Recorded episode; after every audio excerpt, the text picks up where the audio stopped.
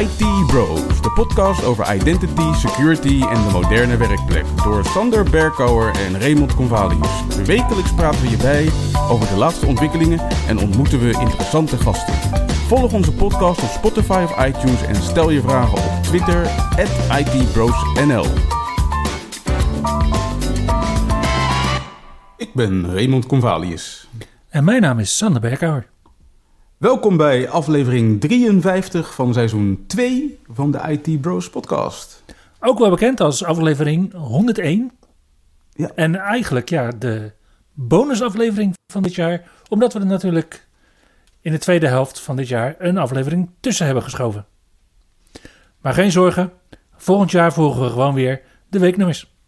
In deze aflevering hebben we het meest recente nieuws voor je en een nieuwe productiviteitstip van Ray.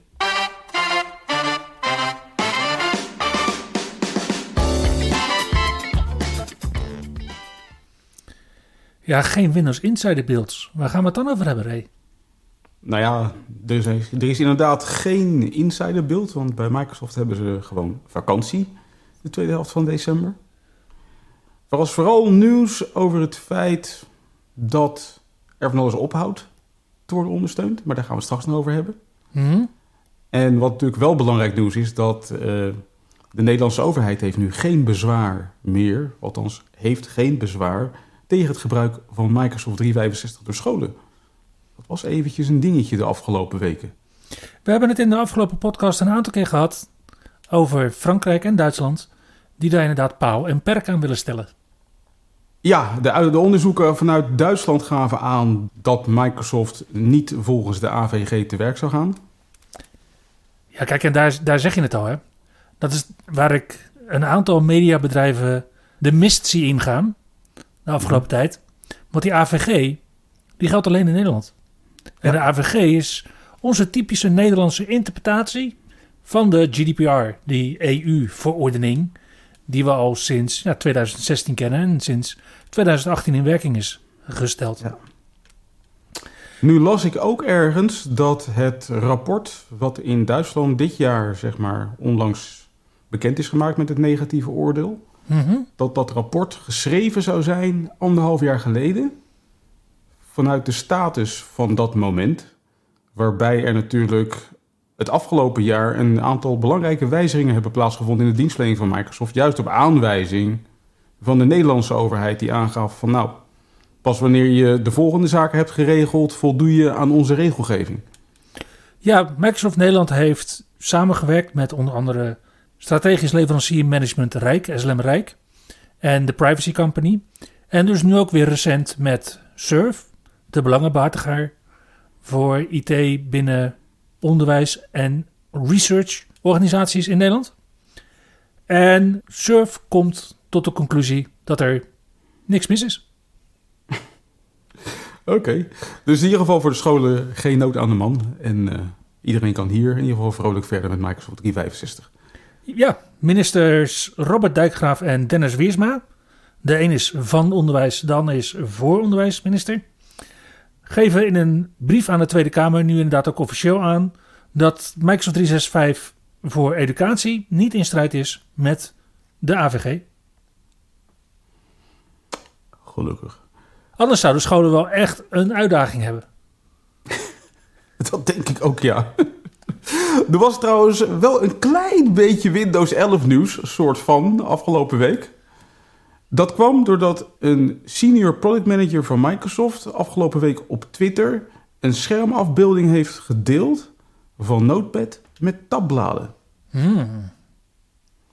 En daar heeft Microsoft tot nu toe natuurlijk niks over gecommuniceerd. Het, de screenshot is vrij kort na publicatie ook weer verwijderd. Maar dat was natuurlijk te laat om de lekkage niet te laten gebeuren. Mhm. En ja, men verwacht eigenlijk dat we binnenkort in de Windows Insider Preview Notepad met tabbladen gaan zien. Ja, en ik vind dat mooi, want vier jaar geleden gaf Microsoft al aan bezig te zijn met de functionaliteit om tabbladen in zo'n beetje elke applicatie waar dat nut zou kunnen hebben te voorzien. En die sets functionaliteit, zoals die toen de tijd heette, Oh ja. die heeft eigenlijk niet doorgezet. Ja, in File Explorer hebben we het nu. in de verkenner, in Nederlandstalige Windows-installaties. Ja, nu zou dan dus Notepad de volgende kunnen zijn. Ja, ik kijk er naar uit. Ja, ik denk dat alle Notepad-MVP's er ook eh, met smart naar uitkijken. Alhoewel, ze hebben het al vrij druk. Dit is al de tweede grote wijziging in Notepad in een jaar. Tijd voor een Notepad MVP. Voor de wat meer serieuze MVP's, zoals de Azure MVP's en de Security MVP's, voorheen bekend als de Enterprise Mobility MVP's, is er natuurlijk wel ook goed nieuws. Want Microsoft geeft aan dat meerdere accounts nu officieel ondersteund worden voor passwordless phone sign-in als je gebruik maakt van een apparaat op basis van Apple iOS. Nice. Ja, de release notes voor wat er nieuw is in Azure AD was deze maand vrij vroeg. Namelijk nog in de maand zelf. We hebben ook wel eens drie weken mogen wachten. En in de release notes zien we dat deze feature nu inderdaad generally available is. Maar je zegt iOS. Betekent dat ze op Android nog geen multiple account ondersteuning hebben voor passwordless? Er is geen nieuws voor Android. Dus dat betekent waarschijnlijk dat die feature daar inderdaad niet is. Goed. Wat je wel moet weten over deze feature is dat deze feature niet werkt als je gebruik maakt van een gastgebruikersaccount. En wat ook goed is om te weten, als je al gebruik maakte van deze feature in de public preview, dan kun je nu dat vinkje voor de optionele telemetrie in de Microsoft Authenticator app weer uitschakelen. Deze is geen vereiste nu de feature generally available is. Ik heb het net aangezet op mijn eigen account en ik ben er heel blij mee. Als je je met Linux bezighoudt, is het tijd om uh, actie te ondernemen. Want er is afgelopen week een kwetsbaarheid ontdekt in de Linux kernel. Met een uh, CVSS versie 3 score van 10 uit 10. Bingo, ding ding ding ding. Ja. Dit betreft een kwetsbaarheid in de KSMB-D-component. In de manier waarop die omgaat met de SMB2-3-disconnect commando's. Waardoor een remote execution kwetsbaarheid is ontstaan door use after free. En ja, die is onlangs ontdekt door Trend Micro. En ik weet eigenlijk niet of die al is gepatcht. Is die al gepatcht? Deze is gepatcht, ja ja. In Linux kernel 5.15.6. En wat we zien is dat dit toch wel een hele nare zou kunnen zijn. Want die 5.15 kernel zien we bijvoorbeeld ook terug in Ubuntu 22.04. Je weet wel, die Linux-versie die je kunt domain joinen. Lelijk. Wat we nu zien is dat Trend Micro eigenlijk drie kwetsbaarheden heeft gevonden. En een van die kwetsbaarheden gaat over de, de SMB negotiation. Dus hoe de server, de fileserver in dit geval, want SMB, Mhm. en de Linux client overeenkomen welke SMB-versie en of je dan signing en encryption en dat soort dingen kunt gebruiken. Mhm. En als we dan toch met versienummers aan het strooien zijn, dan zien we ook versie 2 van de NIS-richtlijn binnen Europa. Maar wat we zien is dat het Europees Parlement een richtlijn heeft gepubliceerd voor Network and Information Security, dus NIS. Nou, we hadden al een NIS, we hadden al een NIS 1 richtlijn, Mhm. als je hem zo willen noemen. Die kennen we in Nederland als de Wet Beveiliging Netwerk en Informatiesystemen. En nu is het dus een NIS 2 richtlijn waar de overheid mee aan de slag kan. Nou, waarom is er dan nu een NIS 2 als we ook al een NIS 1 hebben? Nou, Die NIS 1 die is volgens velen nogal achterhaald. Hoewel die wet beveiliging netwerk en informatiesystemen dus uit 2021 stamt hier in Nederland, is het dus Mhm. al achterhaald. En wat je ziet is dat deze wet van toepassing gaat zijn op vitale organisaties. En dat die definitie eigenlijk een beetje is uitgebreid met belangrijke bedrijven. Wat kan dan een belangrijk bedrijf zijn? Nou, bijvoorbeeld een telecomnetwerk of andere communicatiediensten of bepaalde sociale netwerken. Eh, Bedrijven in de voedselindustrie, postdiensten, dat soort organisaties. Daar valt het nu ook allemaal onder. Tenminste, als dat organisaties zijn met meer dan 50 medewerkers of met een omzet van 10 miljoen euro per jaar. Oké. En welke gevolgen heeft dit voor Nederland? Nou ja, ik denk dat voor solution architects in Nederland dat dit uh, een, een mooi cadeautje is. Omdat je hiermee organisaties op termijn kunt voorzien van standaard eisen en wensen waar een implementatie aan moet voldoen. Ik, ik ben er in ieder geval op dat vlak heel erg blij mee. Mhm. Maar wat we ook zien is dat Nederland hier dus mee aan de slag moet. En uh, dat we dus een nieuwe wet beveiliging netwerk en informatiesystemen krijgen. Uh, of waarschijnlijk een geüpdate variant. Een van de dingen die ook die NIS 2 richtlijn worden vereist, is dat je een cybersecurity strategie opstelt. En dat heeft Nederland toevallig al afgelopen oktober gedaan, tot en met 2028. Mhm. En dat deden ze al voorop, vooruitlopend op deze wet. Heel interessante ontwikkeling. Ja, en eigenlijk zien we hier weer een beetje hetzelfde van ja, als je daar dan dus niet aan voldoet en je wordt dan dus geaudit, Mhm. Gecontroleerd, dan kunnen daar boetes op volgen. Ja. En die kunnen net als bij de AVG op basis van percentages op de jaarlijkse omzet zijn. Dus een stevige stok achter de deur, zeg maar, om eh, inderdaad als bedrijf, of als organisatie goed te kijken naar je cybersecurity strategie. Op termijn. Maar ja, eigenlijk moesten ze dat al met NIS 1 natuurlijk. Ja. Alleen nu zijn er heel veel organisaties die denken van ja, is niet op mij van toepassing. Of is toch wel achterhaald. Of is te bazaal. Dat soort dingen. Ja, met NIS 2 vallen ze er waarschijnlijk dan wel onder. Ja. Ja, en dan kunnen ze dus beter eh, de laatste waarschuwing van het ministerie van Economische Zaken maar niet in de wind slaan. hè? Nee. Maar goed, als je dat rauw op je dak valt, dan heb je toch wel.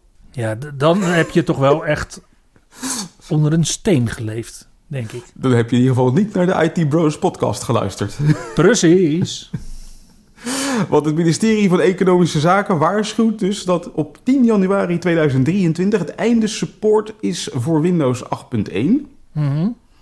En dat in oktober het einde support volgt voor Windows Server 2012 en 2012 R2. Ja, de tweede dinsdag hè, van oktober, namelijk 10 oktober Inderdaad. 2023. En voor Windows 8.1 betekent het echt definitief het einde van alle ondersteuning van het OS. En is er dus ook geen betaalde Extended Security Update meer beschikbaar. Die zal er wel zijn voor Windows Server 2012 en Windows 2012 R2. Een soort van achterdeurtje die je daar hebt om nog even te blijven zitten met het oude OS. Nog even blijven zitten voor die rit. Het ministerie geeft toch aan, eh, als het even kan, probeer te upgraden. Ja, en dat als het even kan, daar zien we toch wel dat er heel veel organisaties eh, een beetje ruimte pakken. Ja. Ik eh, kom nog steeds Windows 7 tegen. En ik eh, denk dat als we het onze luisteraars vragen, dat ze nog wel grotere uitwassen tegenkomen.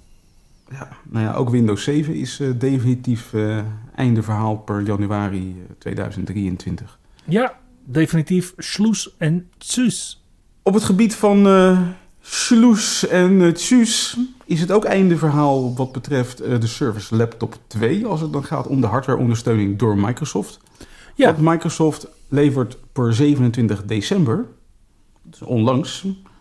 geen driver-updates meer en geen firmware-updates meer voor deze systemen. Nou ja, deze systemen zijn geïntroduceerd in oktober 2018... Ja, en kwamen in het voorjaar van 2019 inderdaad naar Europa.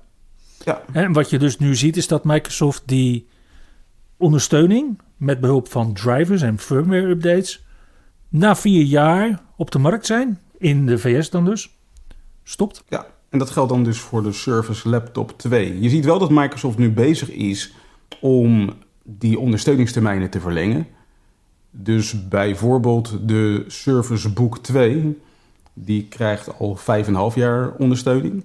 Mhm. Al moet ik wel daarbij zeggen dat de ondersteuning van die Service Book 2 in mei 2023 af gaat lopen. En inmiddels, als je een Service Pro 3 hebt, dan krijg je 7,5 jaar updates op de hardware.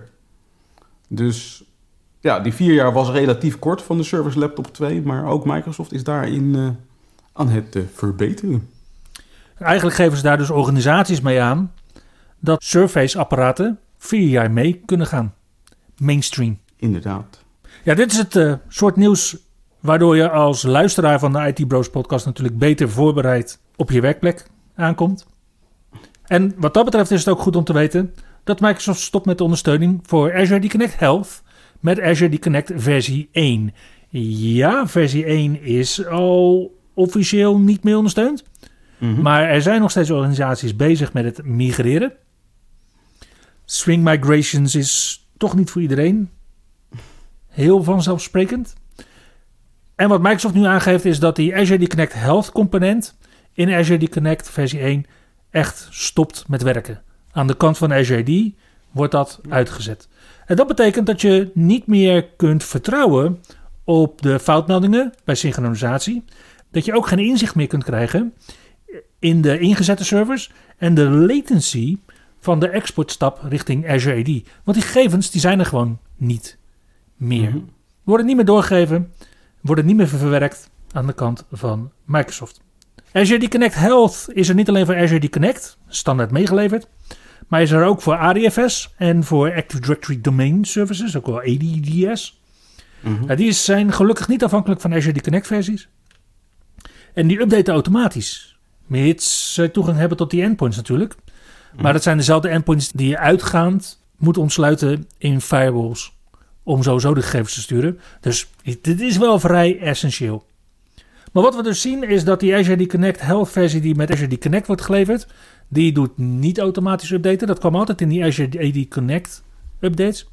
En mm -hmm. dat ze nu inderdaad dat stukje uitzetten. Dus okay. mocht je je Azure D Connect versie 1 nog niet op je update radar hebben staan, dan bij deze. Mocht je nog steeds bezig zijn met upgraden, zet er dan wat meer snelheid achter. Ja. The time has come. Ja, en hetzelfde geldt natuurlijk ook voor Basic Authentication. Er zijn organisaties die hebben dat per 1 oktober nog even opnieuw aan laten zetten door Microsoft. Mm -hmm. Maar ook dat is per 1 januari uit en over.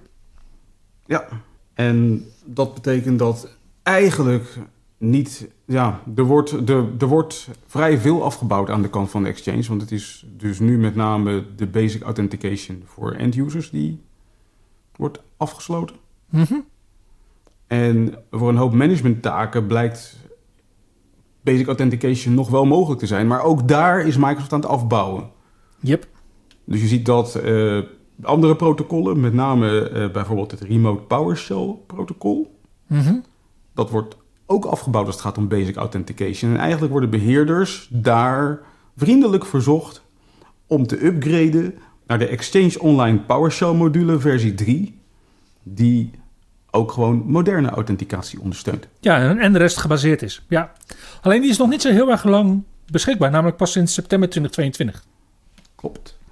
Dus dan heb je een, een vrij kleine window waarin je dat misschien al gedaan hebt.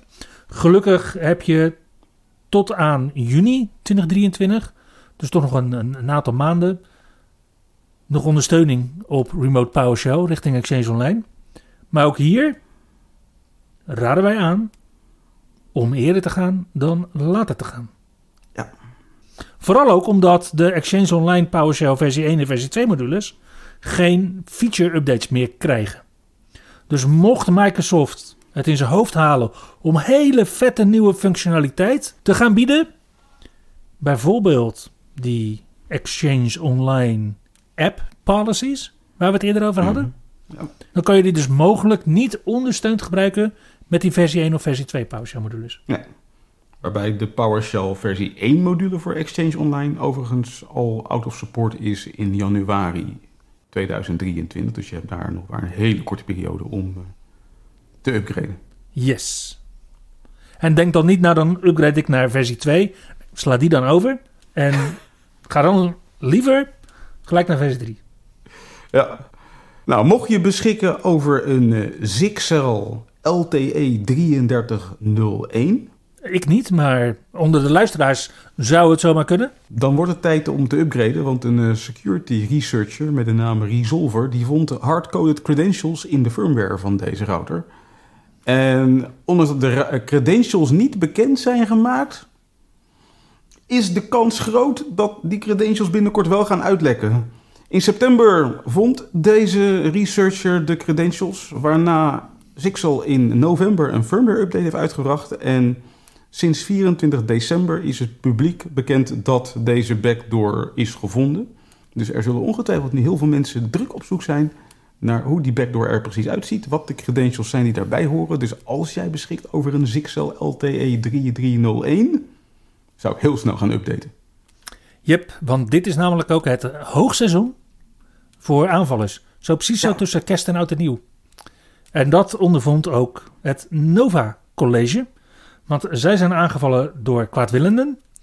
En om die reden zijn op vrijdag 23 december een aantal systemen tijdelijk uitgeschakeld. Dat is natuurlijk vervelend voor de 12.500 studenten en 1200 medewerkers, omdat zij niet kunnen aanmelden. Het is nu nog onduidelijk wat voor aanval het betreft en of er bijvoorbeeld ook al losgeld is geëist. Want er is gewoon weinig aandacht nog voor deze aanval. Maar sinds 29 december is aanmelden weer mogelijk en zijn de ICT-systemen ook deels weer bereikbaar. Ja, ja ik werd, eigenlijk werd ik eh, hierop geattendeerd door mijn personal trainer. Oké, Die aangaf van ja, ja, ja, bij mij op school kunnen we al een week niet inloggen. En ja, toen ben ik gaan zoeken en toen vond ik uiteindelijk één artikeltje wat erop wees dat er iets aan de hand is bij het Nova College. En vervolgens ben ik nog even gaan neuzen op de website van het Nova College. En daar bleek ergens diep begraven op de contactpagina een melding te staan van ja, ja, we hebben een, eh, een probleempje en dat zijn we aan het oplossen. En nu zijn onze systemen deels weer te bereiken. Maar wat er nou precies is gebeurd en wat er aan wordt gedaan, ik hoop dat het Nova College daar iets meer openheid over kan betrachten de komende tijd. Yep, en mocht jij nu denken van, ja, maar die IT-bros die hebben gewoon een aantal websites en daar kijken ze naar en dat is dan hun nieuws. Nee, je ziet dus ook dat we af en toe op hele rare manieren aan nieuws komen. Maar goed, dat is waarom je naar de IT-bros luistert.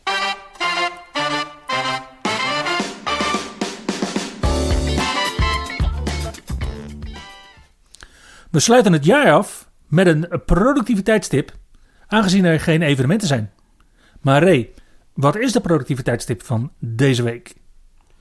Nou, dit is er eentje die ik eigenlijk al eerder had verwacht tegen te zijn gekomen. Want eh, ja, sinds de introductie van Windows 11 zijn we namelijk eh, de mixer zijn we kwijtgeraakt in het volumeregeling. Dus vroeger kon je per applicatie heel makkelijk het volume regelen van door te klikken op dat eh, luidspreker-icoontje in je taakbalk. Mhm. En dat is weg. Dat blijkt te zijn weggestopt in, de, in je sound settings ergens bij je instellingen. En ja, er is dus een manier om dat volume per applicatie terug te krijgen in je taakbalk. Maar dan moet je wel een applicatie installeren en die applicatie heet Ear Trumpet.